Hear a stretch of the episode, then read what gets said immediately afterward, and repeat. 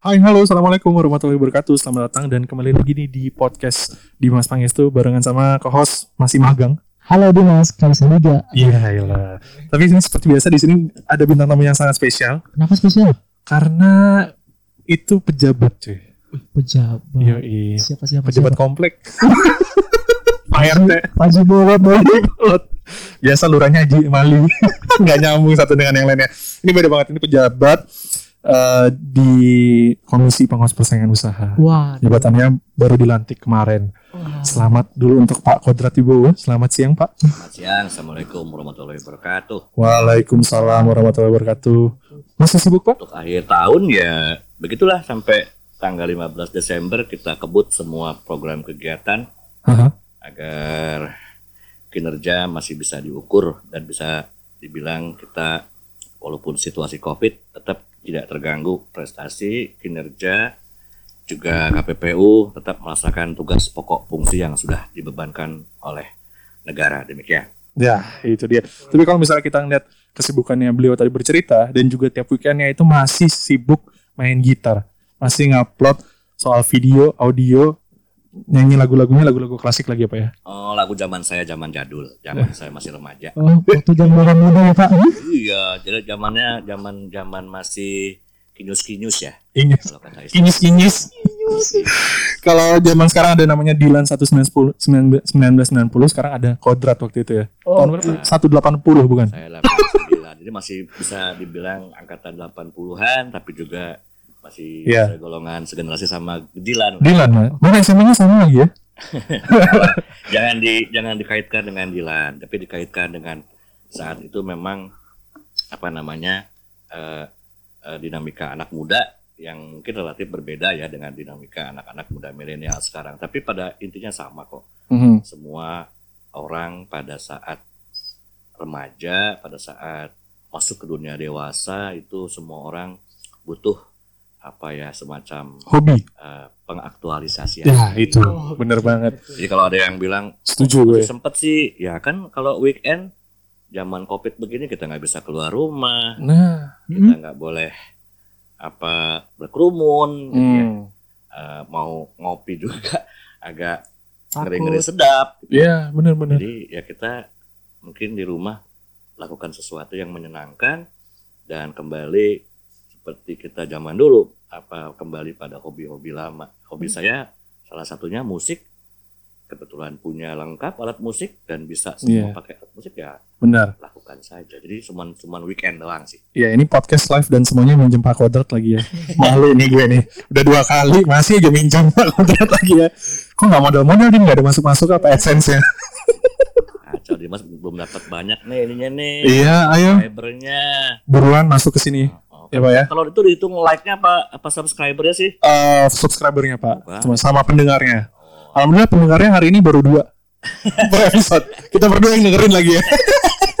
Gak ada lagi yang lain. kita kita doang. Kita kita doang ya. Karena kebetulan keluarga kita juga malu Pak dengerin kita.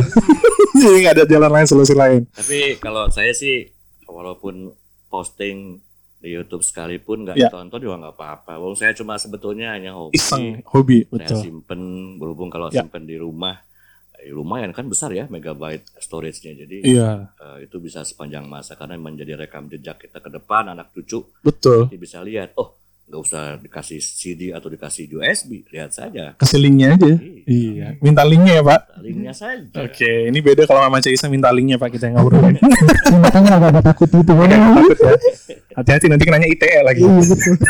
Pak Kodrat nih, kalau misal kita bercerita sedikit, uh, Bapak menjadi ketua KPPO sekarang ini nih ya. ya Gimana Pak mencapai posisi saat ini Pak? Kebetulan Pak Kodrat ini juga dosen gue dulu cuy. Dosen, Iya, iya. dapat nilai apa dulu? Wah, Ah, sama Pak Kodrat. itu hanya kebetulan Oh, gua baik Kebetulan, kebetulan baik, kebetulan dekat.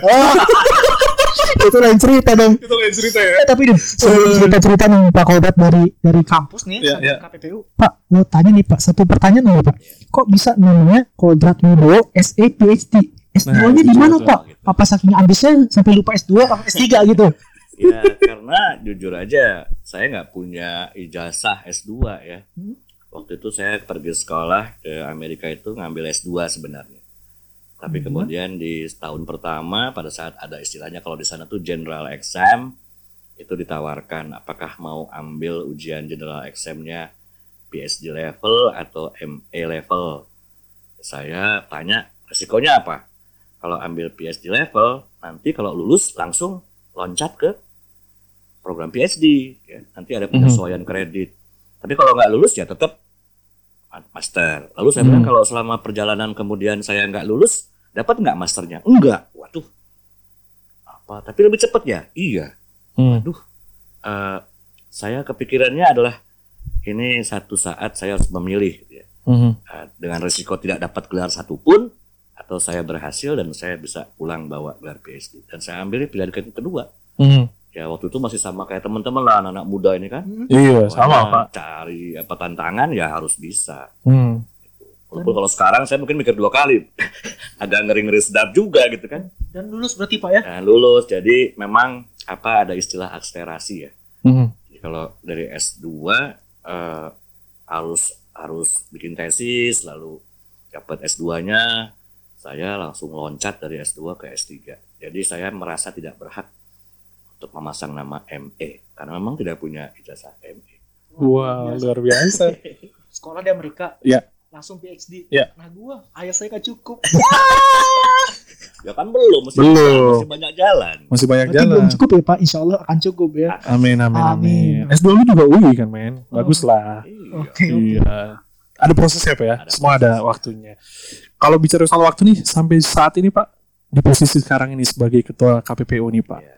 bagaimana ceritanya Pak? ceritanya ceritanya ini semua adalah jalan Allah aja jalan Hmm. yang Allah tunjukkan bahwa eh, pada satu saat kalau zaman muda dulu ya zaman waktu masih mahasiswa S1 itu Ya. kita ini suka sebel gitu ya sama para pengambil kebijakan Wah, Berarti sering turun demo Pak? zaman itu demonya masih demo zaman Orba ya Oh iya. oh iya. Jadi- Untung nggak hilang ya Pak? jadi beda zaman itu Iya, saya, iya, saya, iya. saya iya. paling rajin kalau rapat-rapat gitu ya tapi nggak pernah ikut ke jalur karena pasti saya ke kuliah Hmm. saya suka diketawain jadi Hmm. eh, apa berpikirnya berbeda. Tapi waktu itu memang intinya kalau hanya jadi eh, apa peneliti ya dosen Mhm. di kampus relatif bebas. Mhm. Karena tapi kadang-kadang kita juga seperti apa ya seperti utopis gitu ya Mhm. eh, memimpikan sesuatu yang baik melalui cara-cara kita menyampaikan kepada eh, Publik. publik. Mhm. Tapi eh, pada saat kita mungkin disuruh pegang tanggung jawab sebagai pemegang kebijakan, apakah mampu? Itu jadi pertanyaan saya. Mhm. Eh, eh, ya ada perasaan waktu itu, one day saya tidak akan cuma hanya bicara, Oke. one day saya tidak akan hanya menulis lalu em, Sebagai pemangku kebijakan juga Pak. Tapi Anas Din, gue merinding. Iya, tapi emang punya visi ya pada waktu SMA ya. Iya. Gua dulu kayaknya nggak saya- gitu. Saya pahami lah anak-anak muda termasuk anak-anak saya di rumah juga SMA gitu ya lulus masih bingung pengen jadi apa. Iya, benar-benar. waktu itu alhamdulillah di tingkat dua itu sudah sudah sudah matang. Ya. Saya akan jadi dosen peneliti.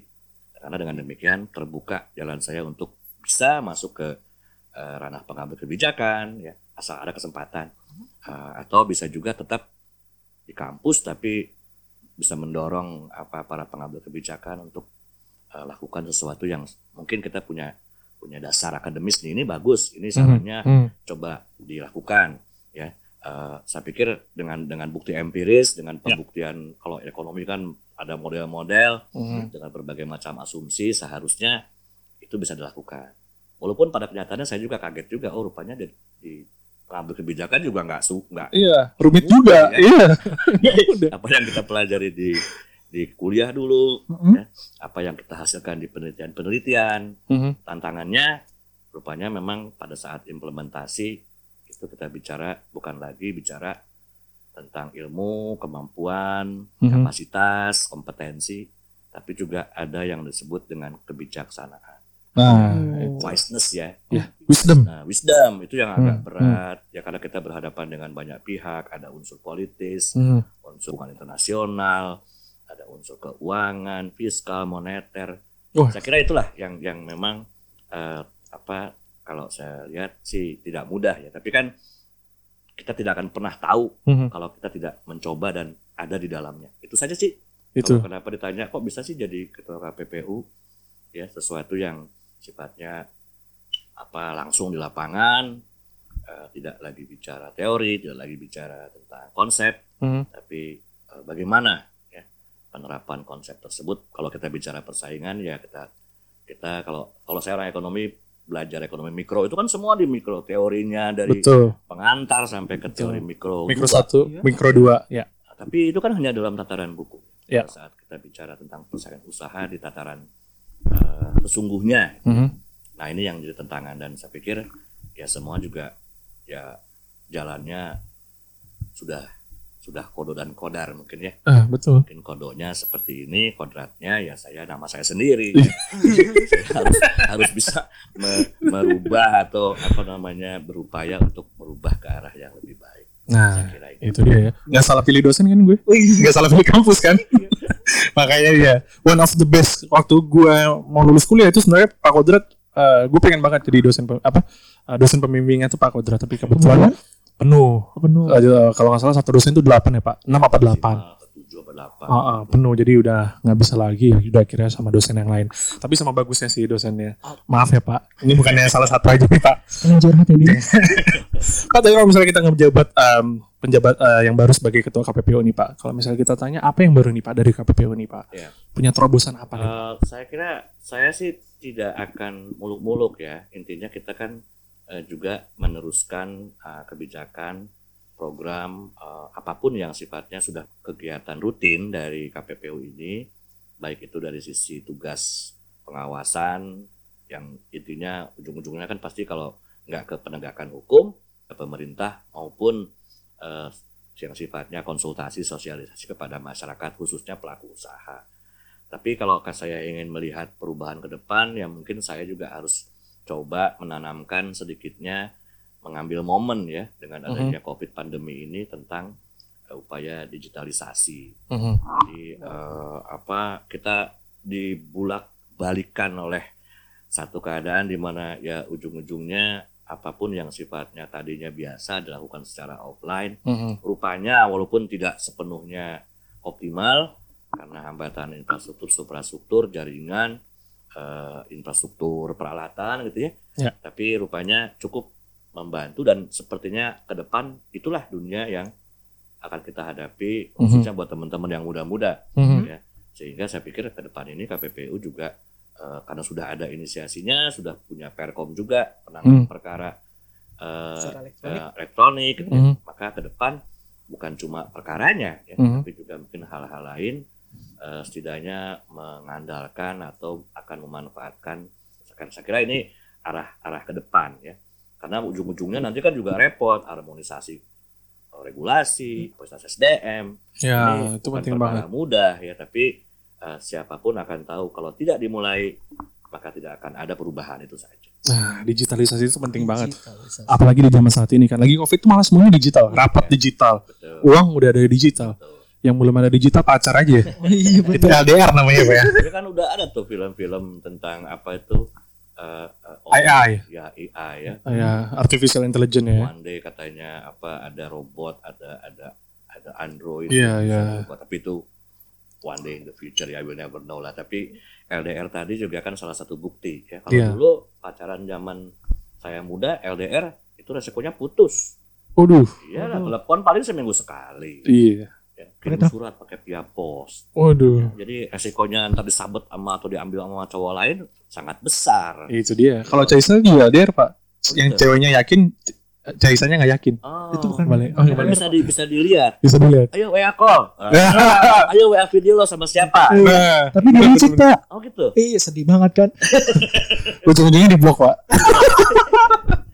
Kalau sekarang nggak bisa kabur itu. Iya. Nggak ada kesempatan untuk, untuk tapi lebih lancar lah. Lebih lancar, jelas. Nah, Pak, kalau misalnya kita bicara soal digitalisasi nih, anak muda zaman sekarang banyak banget bisnis berdasarkan dari yang namanya startup nih, Pak. Ya. Bisnis digital. Ini kalau misalnya lagi hype juga nih, Pak, di sosial media, itu drama Korea, Pak. Hmm. Startup namanya. Ya. Kalau gue pengen nyebut di sini ada tim Han Ji Pyong sama tim Ham- Nam Dosan. Itu lagi hype nih. Bapak nonton nggak? Nggak nonton ya? abis banget K-pop K-pop nih ya. Ada ya. Tapi itu memang film seru banget Pak. Kita bicara soal bisnis bisnis startup. Nah, Menurut Bapak sendiri ini KPPU ketika melihat startup itu sebagai apa Pak? Apakah dia sebagai UMKM? Apakah dia sebagai pembaruan atau seperti apa Pak? Ya. Jadi ini memang memang satu salah satu yang saya katakan tadi kalau kita tidak ya bukan cuma penanganannya ya tapi juga eh, eh, seluruh kegiatan setidaknya walaupun mungkin tidak mengimplementasikan murni digital tapi menyentuh apa yang sudah dibangun dalam kegiatan ekonomi digital. Nah, kalau untuk startup ini kan kita bisa melihat eh, ini tren sekarang. Ya, tren ya, betul. tren yang mungkin nanti juga akan hilang ya. Nama juga tren. Eh, di mana ada kesempatan bagi para eh, apa calon pelaku usaha Mhm, mengambil shortcut untuk memper eh, potensi penghasilan mhm, dalam bentuk eh, startup yang kebanyakan sih mencoba mentransformasi kegiatan-kegiatan yang sifatnya tadinya konvensional mhm. eh, dengan mendekatkan diri pada konsumen dengan apa pun yang dibuat dalam pengembangan aplikasinya sehingga eh, akan ada satu transaksi Hmm. yang memang berat bagi KPPU itu adalah dengan lalu juga dengan kemampuan kompetensi kita ya jauh lah dibandingkan mungkin dengan US FTC atau European Union FTC kita eh, masih bingung atau masih coba meraba-raba membangun kemampuan kita juga untuk dapat eh, melihat digital ini dikaitkan dengan tadi startup teman-teman Mhm. itu ada kaitannya atau bakal punya irisan tidak dengan apa yang kita atur di dalam Undang-Undang Mhm. 5 tahun 99 99. tentang larangan Eh, sebagai sebagai orang di KPPU memang tentu kita selalu melihat bahwa startup ini eh, karena dilakukan oleh pelaku-pelaku muda dengan Mhm. modal dan jumlah tenaga kerja yang relatif tidak banyak ya lakuan pertama adalah mereka sebagai eh, UMKM itu pasti ya Mhm. Mhm. tapi kita kan sudah melihat juga ya yang tadinya kecil Bisa besar. eh, punya potensi baik Mhm. namanya bisnis ini kan ada yang di atas sana punya uang Ya. yang mereka akan akan melihat ini sebuah potensi ke depan Hmm. ya. sehingga kebanyakan yang terjadi adalah either startupnya dibeli sama yang punya modal atau pemunya modal Mhm. menanamkan si startup yang UMKM ini sehingga menjadi usaha yang bukan menengah, bukan besar bahkan mungkin sudah disebut sebagai apa? unicorn gitu ya. Ada unicorn, decacorn, sama hackrocon. sama Dekrakon. Ini kan Iya. sudah sudah faktual. Jadi saya tidak tidak menutup mata memang eh, ini salah satu apa potensi eh, apa ya atau semacam apa eh, impian ya dari Hmm. para anak muda misalkan memanfaatkan digital dan melalui eh, memulai bisnisnya dengan cara eh, membangun startup apa pun jenisnya. Iya. Jadi saya kira KPPU sih menganggap ini sebuah dinamika kita juga seneng ya toh jadinya kita juga belajar kan Oh, Iya bener Pak. makanya jangan jangan heran kalau eh, kita ngomong digital tapi jangan sampai kita di KPPU personalnya nggak ngerti ya bagaimana proses bisnis digital ini Iya. berjalan nah ini kita sedang bangun lah Tapi kan banyak banget ya Pak yang saya rasain kayak sekarang kalau digital startup itu ada pesan obat deh sekarang. Hmm, Sekarang udah bisa online pesan obat, Ya. pesan makanan online. Ya. Terus eh, kalau mau cari jodoh tinggal swipe kanan swipe kiri nih, Oh, main iya. Pokemon ya. Oke. Tengah main Tinder kalau zaman sekarang. Terus misalnya mau belanja online eh, bahkan harganya bisa lebih murah Pak daripada diskon. Itu menentukan mana pasarnya yang mana antara misalnya kita sebut marketplace yang gede dengan pasar swalayan atau misalnya kita pesan obat dengan apotek itu apa bedanya tuh Pak? Ya. Kita kan itu yang saya Beda katakan tuh di awal tadi ya bahwa startup ini kan kebanyakan masih sifatnya adalah mempertemukan konsumen dan produsen. Hmm, hampir pasti tidak ada startup bahkan yang sudah dekat kron sekalipun itu bergerak di bidang produksi. Hmm, ya hampir semuanya adalah satu atau di tengah atau salah satu dari rantai eh, penyampaian barang padahal ekonomi tidak akan bisa jadi Hmm. selama dalam hal ini startup hanya ada di dalam salah satu mata rantai eh, transaksi tersebut Heeh. ya maka kita eh, tetap pastikan mereka akan menjadi satu eh, sektor yang sifatnya memang bergerak di bidang jasa. jasa. Nah, makanya tidak heran kalau sekarang lihat startup izinnya masih di Kemeninfo kan, Ya betul. bukan ini ke depan sih akan berbeda. Mungkin trendingnya akan berubah ya Mhm. pada salah satu saat di mana si startup ini mencoba ya untuk masuk juga ke ranah produksi. Nah ini yang tantangan terbesar bagi KPPU ke depan. KPPU di mana pun lah di dunia ini Hmm, hmm. bahwa ini kan ada nanti penyatuan hulu hilir ya, Iya betul. Eh, di mana eh, kalau kita lihat integrasi vertikal ini secara konvensional saja itu diatur dalam semua undang-undang di negara mana pun terkait perusahaan usaha Hmm. eh, eh, cenderung ya integrasi vertikal ini cenderung akan eh, eh, menempatkan eh, posisi dominan di beberapa perusahaan saja. Mhm. Eh, ujung-ujungnya kan oligopoli. Kalau udah oligopoli, ujung-ujungnya monopoli. Nah, Nah, itulah tantangan yang terbesar. Karena Betul. kalau kita tidak bicara tentang bagaimana kaitan antara produksi dengan konsumsi, maka startup ini ya makanya itu tadi bilang hanya hanya hanya hanya tren saja hmm. ya. Eh, ujung-ujungnya yang kita bayangkan tuh bukan digitalisasi hanya startup. Hmm. Tadi kan misalnya apa? Makan, apotek, obat gitu ya. Eh, lebih, lebih murah bahkan. Ya lebih murah karena memang tidak ada eh, apa namanya Rantai lagi. eh, rantai lagi yang dia yang dia punya dia putus Hmm. gitu ya. Dan itu kan juga sudah pasti makanya dulu disebut digital itu adalah disruptif ekonomi. Oh. Hmm. Apa artinya? Disruptif, merusak kan, Hmm. merusak tatanan. Oh. Jadi ada orang yang dirugikan sebenarnya dengan adanya startup ini. Nah, tapi orang yang dirugikan tentunya harus sadar bahwa ini adalah keniscayaan. Ke depan memang akan seperti ini. Yang saya bayangkan sih ke depan lebih akan lebih sulit kalau para startup ini dengan uang yang mereka punya, dengan pasar dan data Hmm. Hmm. base Yang besar. yang yang huge gitu ya, Hmm, besar. Ini ya mereka bisa bisa masuk ke ranah produksi juga. Ya, Oh. sehingga hulu hilir bisa-bisa Dikuasai sendiri. kuasai sendiri. Integrasi Nah, itu- vertikal ya, Pak ya. Oh, ini ini yang berbahaya. Hmm. Dan kalau kalau kita lihat apa nggak mungkin itu masih jauh ya. Para startup ini masih menikmati apa yang mereka punya di ranah tadi jasa. Apakah jasa ya ada kan transportasi ya. Dia Ada. kan dia kan nggak menyediakan transportasi, dia hanya menyediakan mempertemukan yang punya transportasi dengan Mhm. yang butuh. Hmm. Sama dengan obat. Dia tidak memproduksi obat, dia Hmm. hanya mempertemukan yang Butuh obat. produsen obat dengan yang butuh obat. Hmm. Jadi mereka masih masih ada di situ digitalisasinya. Kalau saya bayangkan ke depan tanpa ada perubahan pola pikir, paradigma kita ya uh, uh, melihat kecenderungan arah masa depan yang memang tadi digitalisasi akan repot. Saya sih nggak mau tadi saya bilang nggak Hmm, muluk-muluk. Minimal kita tahu bahwa uh, akan banyak uh, anak-anak muda ini yang memulai bisnis startup. Uh, kita sih insya Allah akan bisa awasin karena itu kan bagian dari pengawasan juga. Mhm. Kita juga kita juga punya apa pasal yang uh, mengecualikan UMKM. Hmm.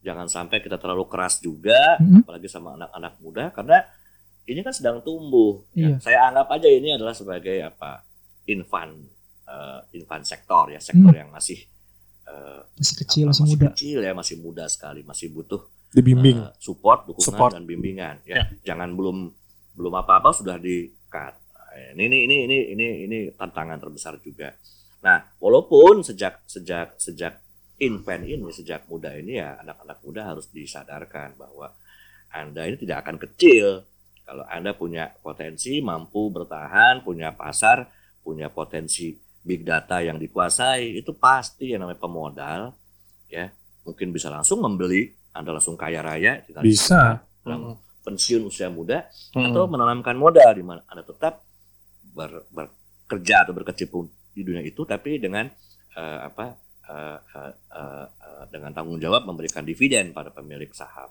ini hal-hal yang mungkin kalau saya katakan terlalu terlalu panjang ya tapi Hmm. Hmm. KPPU jelas ketinggalan jauh dibandingkan dengan eh, otoritas usaha di negara-negara lain bukan hanya karena memang regulasinya belum menyentuh Ya. tapi saya sendiri ini sebagai komisioner juga masih gagap-gagap melihat ini ya jadi kalau ditanya bedanya apa sih digital itu tadi yang kamu udah bilang Ah. Dimas sudah bilang, besar udah bilang tentang multi phase uh, market ya, Ya. atau marketnya ini nggak jelas kalau Hmm. kalau kita kan pengennya market itu adalah relevan. Multi-sided market ya, Pak ya. Ini multi phase, multi sided, jadi Hmm. cuma satu bergerak di bidang jasa, tapi dia menyinggung banyak sektor-sektor yang Iya. kalau bicara betul. sektor relevan, kita harus pasti dulu ini main di mana nih, ya, memperkarakan ataupun hanya mengawasi advokasi pada sektor digital pertama di KPPU-nya sudah harus bicara dulu Iya, ini iya. pasar mana dulu nih tanpa ada pasar Nah, apa itu tidak dia. ada perkara. menentukan pasar bersangkutannya dulu pak ya pasar agak salah. rumit ya Pak. Nih Pak, kalau saya pikir nih Pak, ke depan Bapak mau, mau, mau ke arah yang digital. Artinya uh, background mengenai IT harus kuat. Nah, kan itu background IT Pak, tapi ilmu ekonomi harus kuat, kemudian hukumnya harus kuat. Kira-kira Pak, ini tiga ini tercover nggak Pak semuanya? Soalnya kan Eh, rumit, gini, kompleks eh, banget ya. Kita kan nggak mungkin mengandalkan sumber daya sendiri ya. Mm-mm. Eh, IT misalkan itu juga bukan bukan domain dari KPPU kan. iya Kalau hukum ekonomi sudah jelas lah itu domain utama dari ekonomi. Mm-mm. Tapi eh, dengan bantuan eh, stakeholder utamanya dari kampus, dari pelaku usaha sendiri, Mm-mm. ya dari misalkan kalau asosiasi ada himpunan pengusaha muda, ini kan sebetulnya kita juga eh, tidak tidak khawatir ya kita tidak apa eh, kekurangan atau kita tidak memiliki sumber daya yang kebetulan memang dibatasi oleh kemampuan anggaran contohnya. Ya kita gandeng saja teman-teman pemuda ini ya teman-teman eh, pengusaha yang bergerak di bidang startup ya. Iya iya benar. Berikan kami minimal jelaskan ke kami. Ya kami juga akan bantu menjelaskan kenapa kami care kenapa kami punya punya interest punya agenda dalam pengembangan mereka ya. Bukannya ingin mempersulit tapi ingin ingin mengembangkan ini menjadi aset eh, untuk negara kita ya bisa bisa melangkah apa sih kalau orang pejabat bilang apa Indonesia maju tahun 2045 45. Wes. Indonesia emas 100 tahun Indonesia merdeka Harusnya udah saat pada saat itu semua orang udah nggak lagi gagap iya dengan apa yang disebut dengan e-commerce dan ini. Iya, benar. kalau sekarang gagap, ya wajar ya. Makanya saya katakan ke depan KPP mau dibawa ke mana? Minimal pengetahuan tadi yang dibilang sama. Pak Isa tentang IT. Sekarang kalau ditanya aja misalkan, ah, Kang ngerti nggak tentang algoritma? Kagak, gua. Iya. iya benar Oh, apa itu algoritma? Pokoknya satu program yang yang PHP ya pak ya oh, bukan pemberi harapan palsu kan PHP itu gua nggak tahu lah ya pokoknya. bahasa pemrograman lah pak Pemrograman lah. Nah harusnya kan ada misalkan eh, eh, apa personel kita yang tahu itu. Dan Mhm. Lalu how eh, yang artificial intelligence itu ber- berjalan. iya Ya karena kan sekarang harga dalam kacamata Mm, eh, Undang-Undang Nomor 5 itu kan harga itu ditetapkan. mm. Harga yang mana yang di- dilarang ditetapkan? Harga kepada konsumen. Nah sekarang harga tidak ditetapkan oleh orang, oleh sistem. AI, apa AI ini ya. Ya, bahkan demand and supply-nya juga udah bisa disesuaikan dari Iya. AI itu sendiri, mereka betul. dengan database yang ta- yang kuat mereka Mhm. bisa bisa bisa memperkirakan ini demand ini naiknya kapan. Mhm. ya dan otomatis tanpa harus disuruh-suruh si program AI ini menetapkan harga sendiri. Nah kita mau menghukum siapa? Menghukum mesin? Kan tidak ya. Mhm. sehingga kalau di EU itu dianggap bahwa pelaku usaha kalau dia punya database dan dia punya AI AI itu dianggap sebuah entitas. Mhm. bayangkan ya kita kan belum sampai ke sana gitu ya kalau kita bicaranya pelaku usahanya Mhm. tapi pelaku usaha dan sistem AI itu adalah kalau dibagi mereka udah mulai dibangun mereka sebagai entitas bisnis Uh, Jadi- luar jadi biasa bisa ya. menjadi objek perkara kan Iya, objek hukum itu sudah Sub subjek subjek hukum ya. Luar biasa banget, Pak. kalau kita kan masih jauh dari situ Masih jauh ya. Pak, kalau misalnya kita ngomongin soal startup company yang sekarang udah gede, tadi kita udah ngomongin unicorn, ada dekakorn, ada hexacorn, terus Bapak juga bilang tadi ada uh, oligopoli, monopoli. Ini kita baca di media, Pak, dari yang kita sadur, cila sadur. Apa sih bahasa Inggrisnya sadur tuh? Bahasa Indonesia. River. Nah, taunya bahasa Indonesia. Nggak apa-apa, berarti KBBI gue bagus nih. Kalau misalnya kita baca nih Pak dari Tempo nih Pak Hmm. di bulan eh, September kemarin kita baca ada berita bahwasannya Telkom itu melakukan investasi terhadap Gojek tapi melalui anak usahanya nih Pak Telkomsel. Di mana mereka akhirnya transaksi itu terjadi Pak pada bulan November kemarin dengan nilai 150 juta US dollar atau sekitar 2,17 triliun. Betul. Nah, em, kalau misalnya kita baca di sini Pak, sebenarnya bisnis itu kalau di Tempo di ulasannya di tulisannya itu ada beberapa persyaratan Pak. Yang pertama atau mungkin ada apa ya em, bergeningnya gitu ya Pak ya. Yang pertama eh, mitra-mitranya Gojek itu sendiri itu penggunaan paket datanya harus menggunakan Telkomsel Pak. Ya. Lalu yang kedua juga ada big data di sana. Nah kalau misalnya kita ngeliat skopnya lebih besar lagi gitu main mappingnya, itu Telkomsel itu mempunyai anak usaha juga Pak yang namanya Link Aja. Hmm. Itu satu pasar dengan GoPay yang di mana GoPay juga dimiliki oleh Gojek Ya. dengan eh, nama usahanya yaitu dompet aplikasi karya anak bangsa. Em, menurut bapak gimana nih pak? Kalau misalnya ada investasi di sana dari sisi Telkomselnya terhadap eh, Gojek, lalu juga ada GoPay di sana, ternyata Telkomsel juga punya anak usaha itu link aja, itu bagaimana nih pak? Menurut Ya. bapak nih pak? Jadi kita harus membedakan ya antara bicara tentang kepemilikan dan pengendalian. Mhm. Ya, yang yang berbahaya itu kan kepemilikan ya yang mengarah pada pengenda- pengendalian. Sehingga ya jadi terafiliasi jadi anak perusahaan kan gitu ya jadi anak usaha. Sementara kita bicara tentang kepemilikan ya itu kan bisa saja kepemilikannya ada 10% 20% ya tapi karena tidak dominan tidak mayoritas apalagi ma- maka dia tidak bisa mempengaruhi. Cuma mempengaruhi melalui kepemilikan saham satu one man one vote one one stock one vote kan begitu ya Mhm. Iya.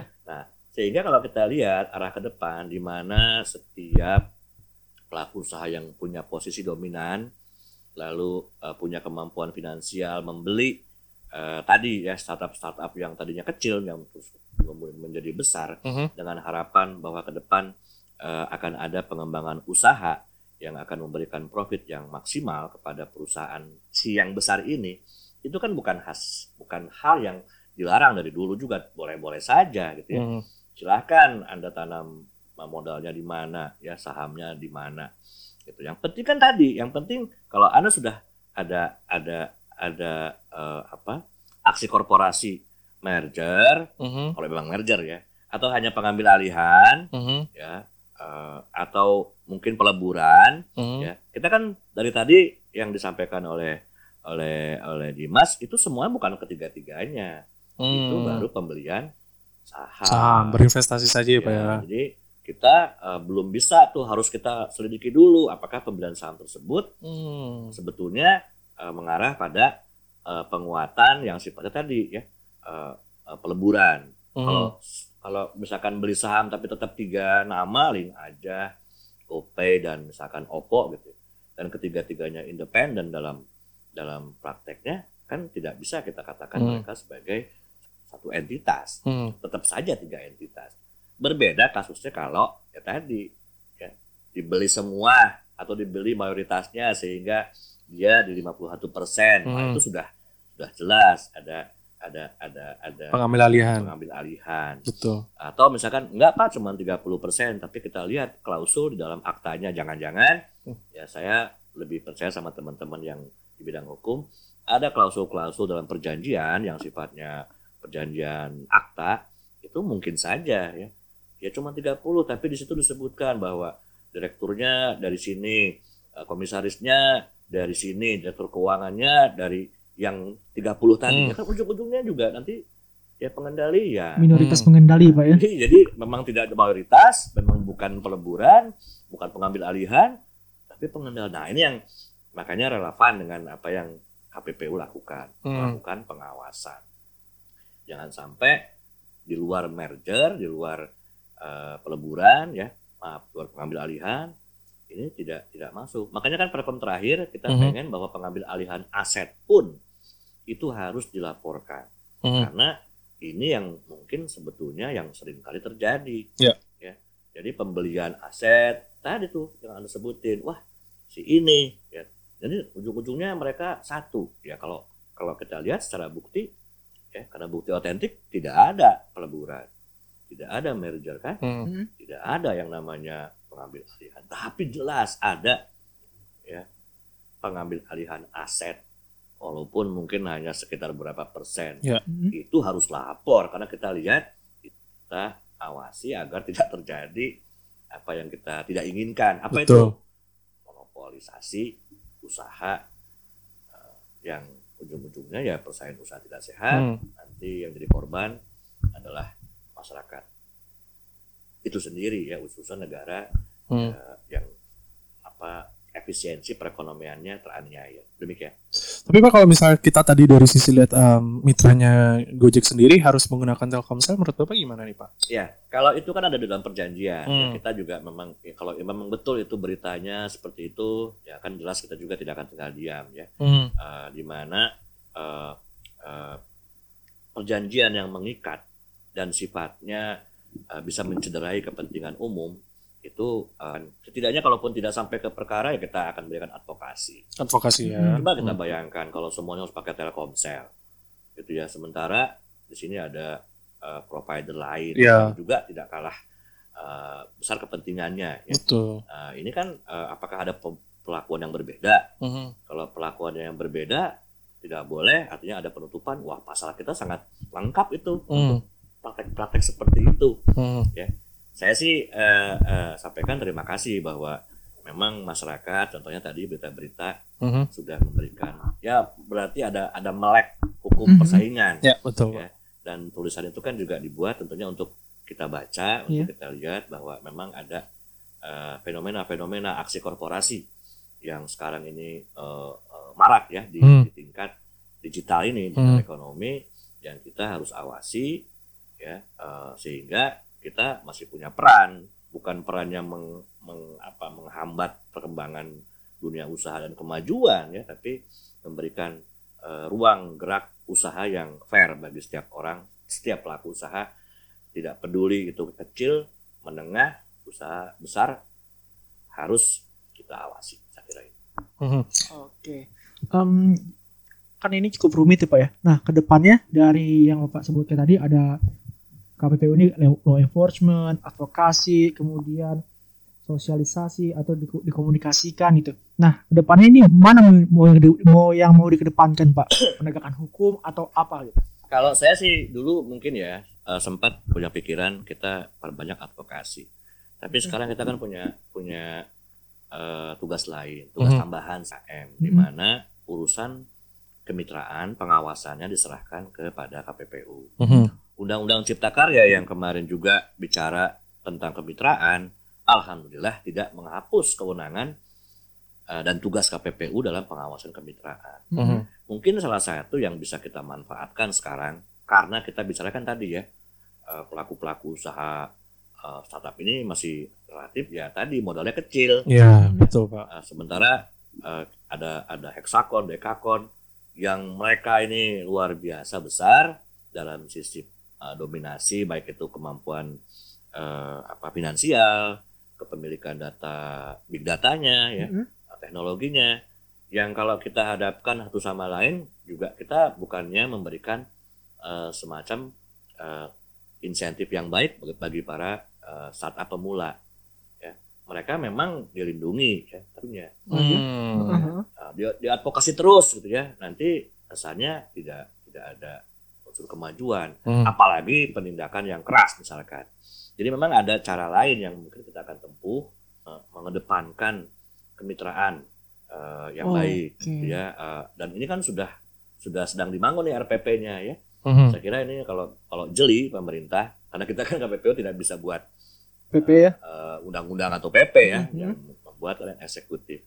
Kalau mereka jeli dan bisa membayangkan ke depan ini kita harus maju dengan eh, apa teknologi digital, ekonomi e-commerce, ya yang yang kita perlu lakukan yang mungkin belum pernah dilakukan di negara lain Mhm. pernah sih oleh Jepang gitu ya oleh negara-negara Uni Hmm. Eropa yang jelas ya kemitraan ya dengan kemitraan yang baik dan kita akan awasi lah ya eh, eh, baik itu inisiasinya prosesnya kegiatannya eh, ini mungkin bisa memberikan posisi yang lebih baik. Eh, pemula juga memberikan manfaat bagi yang besar. Ya karena kalau yang besar ini oh ya tadi ya oh, rakusnya beli sana beli sana. Yang di sini diambil alih dengan cara apa pun. Hmm. merger kah pengambil alihan kah? Investasi kah? atau investasi kah? Ya ujung-ujungnya kan kita bisa melihat arahnya ke mana. Iya. Eh, ada tugas yang tidak kalah penting yaitu eh, efisiensi perekonomian di mana setiap orang punya hak ya dalam melakukan usaha yang sama. Hmm. dan itu sudah dijamin undang-undang ya bahkan undang-undang 45 juga kan dengan jelas menjamin kebebasan untuk berusaha itu ya. Maka eh, pengawasan melalui advokasi atau penindakan ah saya kira kita manfaatkan saja ya eh, untuk kemitraan tadi. Jadi pengawasannya kita mendorong. Ya kalau anda kecil terus startupnya kalau mau besar ujung-ujungnya pasti dibeli nah, kalau mau jangan dibeli ujung-ujungnya coba dimitrakan ya Oke. sehingga Hmm. nanti ada ada keseimbangan. Toh kalau ujung-ujungnya capek ah mau dijual itu mau silahkan. Toh nanti tinggal lapor aja. Merger Iya. kan Iya. atau pengawasan nah, kita lapor saja. Gitu. Iya. Oke pak. Kalau kita ngeliat big map-nya lagi nih Pak, lebih besarnya lagi. Iya. Kemarin sempat trending topik di Twitter dan juga di beberapa media. Mhm. Minggu lalu nih tepatnya nih Pak. Hmm. Itu isu mengenai merger antara Hmm. Grab dan juga Gojek. Kita tahu kalau di misalnya di Indonesia sendiri hanya ada dua pemain nih Pak. Kemarin Ya. Uber juga mundur dari pasar karena dia nggak kuat. Walaupun kita tahu sebenarnya di Indonesia ada pasar lain nih ada Maxim. Maxim ya. Tapi masih kecil. iya. Masih kecil. Lalu masih ada InDriver, itu juga masih kecil, nggak Hmm. terlalu besar lah, hanya ada di beberapa kota saja. Nah, menurut Bapak sudut pandang Bapak nih gimana Pak memandang antara Gojek dengan Grab isunya merger juga nih, Pak? Sebagai tambahan nih. Boleh nih Pak. Nah, ini Pak, Grab ini kan nih kita tahu ya Pak, Mas, eh, aplikasi pembayaran juga yang lain gitu. Iya. Nah, setelah kita gali Pak, ternyata ini cukup misalnya tadi itu kalau Bikin kita ayam-ayam ya, iya, kaget. ayam ayam ayam.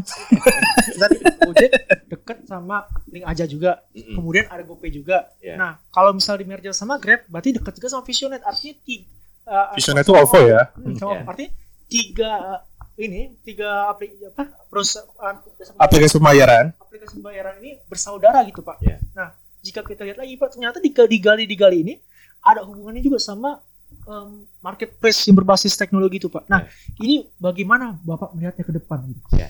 Yang Jadi- namanya toko-toko itu ya Pak ya. Kita harus paham bahwa eh, perbedaannya ya antara sebuah perusahaan atau sebagai sebuah holding yang punya anak usaha. Mm-mm.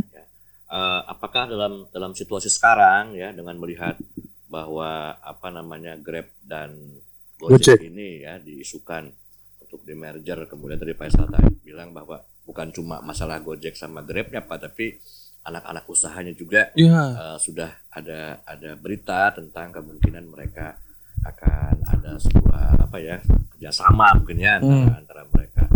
Yang pertama ya, yang pertama eh, undang-undang eh, eh, 599 Mhm. ya yang bicara persaingan itu sebetulnya tidak anti atau tidak eh, alergi terhadap apa yang disebut dengan kolaborasi. ya. Oke. Jadi eh, sepertinya di mana pun ya di negara mana pun termasuk Jepang contohnya yang saya ingat makanya mereka ada subkontrak ya semacam di kita kemitraan gitu Ya. ya karena mereka merasa bahwa kalau kita bicara hanya persaingan tanpa adanya sebuah eh, apa cooperation ya itu itu nggak nggak mungkin jalan juga Oke. Jadi kembali pemahaman saya kalau memang nanti ujung-ujungnya semua eh, eh, pelaku usaha di pembayaran digital Mhm. itu terafiliasi satu sama lain. Heeh. Kita kan punya alat pengawasan. Ya, kalau mereka memang melakukannya sifatnya hanya pembelian saham semata, ya kembali ya kita akan akan akan ukur ya eh, karena tidak ada dominasi terhadap pengendalian. Ya, eh, eh, beda sangat beda kalau misalkan ya tadi satu satu eh, provider di bidang pembayaran digital ini dibeli Hmm. atau di merger gitu ya atau Hmm, di, hmm. diakuisisi itu beda cerita. Oke. Ya, tapi kalau kalau kalau pembelian saham dan lain-lain tidak ada larangannya. Oh, oke. Ya. Yang tidak boleh itu sebetulnya adalah penguasaan. Kan Hmm. kenapa butuh notifikasi setiap eh, eh, praktek merger akuisisi? Ya kita sekarang kita kembangkan ya Ya, ya. ke pengambil alihan aset juga ya, Iya. walaupun Hmm. bukan saham. Iya. Ya, karena ya tadi menghindari adanya penguasaan yang dominan yang mengarah pada monopolisasi, jadi monopoli yang dilarang, begitu ya, bukan monopoli yang boleh, tapi monopoli yang dilarang, sehingga akan ada eh, potensi penganiayaan terhadap hak-hak masyarakat dalam memperoleh barang yang lebih bervariatif, lebih berkualitas, juga lebih murah. Kan itu. Ya, best value ya Pak ya. Betul, Best Hmm. Jadi saya saya melihatnya eh, eh, apa isu tentang Grab dan Gojek misalkan Ya, ya, eh, akan merger. Eh, silakan saja, ya. Hmm. Toh kita kan punya alat untuk mengawasinya. Apa? Setelah mereka merger, ya mereka harus notifikasi, Heeh. ya. Dan kita punya hak untuk menghentikan merger tersebut. Oke. Eh, jadi eh, itu ya memang kelemahan dari eh, undang-undang kita yang memang eh, rezimnya post notifikasi. Mhm. Kenapa kita bisa punya hak tersebut? Ya kalau kita melihat bahwa analisa kita, ya walaupun se- sekarang pun kita bisa menganalisa ancer-ancer ya bahwa Iya. penguasaan ini ya merger ini jelas akan mengakibatkan monopoli Mm-mm. walaupun nanti ada misalkan ah, apa eh, kan masih ada pesaing lain tuh Maxim Ya. ya, ya Hmm. Ya kan lihat dari pangsa pasar yang kecil saja kita tahu bahwa ini sebetulnya adalah upaya ke monopolisasi Hmm. dan saya pikir eh, kalaupun kita memang memang memang tidak bisa menghindari adanya eh, aksi korporasi merger ini dengan kewenangan kita harus notifikasi kita bisa bubarkan itu yang paling Hmm. gampang kan lihat di Singapura tahun September 2018 Hmm. eh, mereka kan pakai pre kan Pre. Merger. jadi langsung itu langsung ya silahkan ya. Tapi jelas bayar denda. 13 juta Singapura dolar loh. Hmm, dikali sepuluh ribu sekarang ya berapa? 13 Berapa rupiah itu? itu September 2018 Oke. Eh, Oktober 2018 Filipina PCC hmm, sama. Denda juga. ada juga 16 juta peso. Uh, jadi kalau misalkan misalkan berani mau bikin merger ya silakan saja nanti notifikasi Nah, kalau kita temukan bahwa ini arahnya walaupun kita mungkin sudah bisa bayangkan ini arah monopolisasi ya hajar saja lagi itu kan jahat jahatnya kalau kita ngomong penegakan ya Ya. Oke. Uh, walaupun itu bukan jahat itu penegakan Oke. hukum, Hukum. betul. gitu ya jadi uh, uh, kita kita sih ya uh, namanya namanya dinamika bisnis ya silakan saja ya lagi pula saya berpikir juga ya rupanya ada yang sedang terseok-seok atau ada pelaku usaha yang katanya besar Hmm. tapi rupanya terengah-engah mungkin pada saat covid Pandemi ini. pandemi betul. ini ya.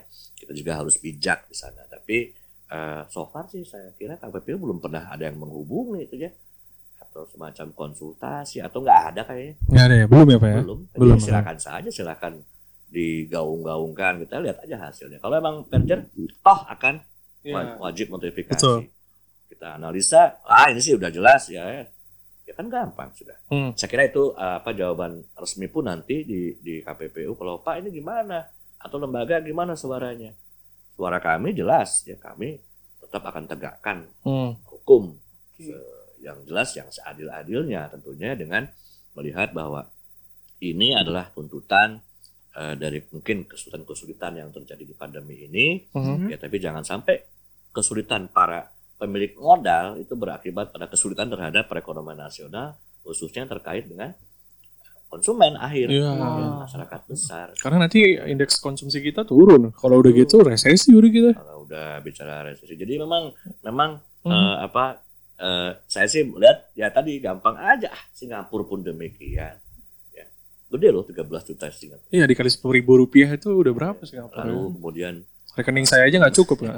Rafathar kayaknya cukup. Ya, Rafathar.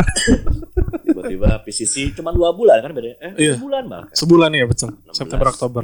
peso ya jadi saya pikir, pikir ya, kita juga bisa lakukan hal yang sama cuman bedanya mereka itu di depan Mm-mm. Kita di belakang. kita di belakang gitu kan Ah. jadi eh, apa wait and see saya kira KPPU tidak akan masuk ke ranah eh, apa nguyo-nguyo atau apa eh, ngatur-ngatur gitu ya eh, eh, aksi korporasi yang dilakukan oleh eh, Gojek dan Grab. Oh, Gojek dan Grab. Silakan Hmm. mereka bisa melihat kok. Eh, saya kira di, mereka punya punya punya apa visi visi hukum, punya biro hukum yang bisa paham bahwa ada hal-hal yang sifatnya beresiko terhadap pelanggaran, tolong dihindari. Kalau memang mau mereka punya afiliasi, saya kira ya tadi ya. Eh, eh, kalau merger sih kan udah jelas-jelas harus lapor. Iya.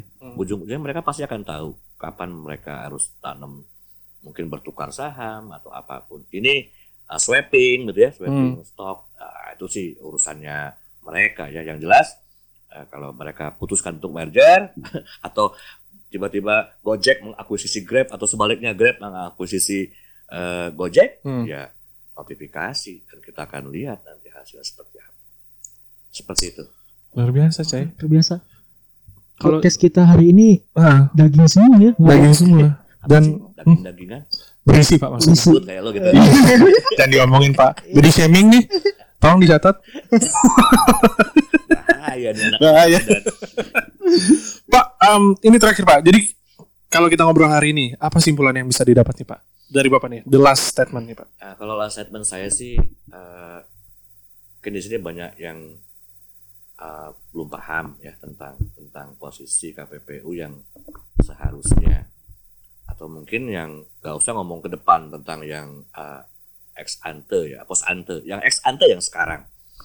Nah tolong pahami kita ini ada ya kita ini menjadi lembaga negara bantu ya yang yang punya tugas ya tadi membela kepentingan konsumen membela kepentingan persaingan ya agar agar hal-hal yang bersifatnya manfaatnya baik bagi negara bangsa uh, itu terpenuhi dan memang agak sedikit me, me, me, mem- mengagetkan juga ya tentang kaitan pandemi covid ini Ya. Nah, jadi kami pun eh, tidak hanya diam saja, kami mencoba eh, memperbaiki diri melalui perbaikan-perbaikan pedoman, perbaikan-perbaikan perkom Mhm. tentang tata cara ber, ber- beracaranya, tentang cara apa namanya eh, nanti kan ada perubahan tuh ya undang-undang Cika Ya. tentang eh, Cipta kerja. konsep eh, Denda. uh, denda seperti apa yang memang seadil-adilnya atau cara uh, apa uh,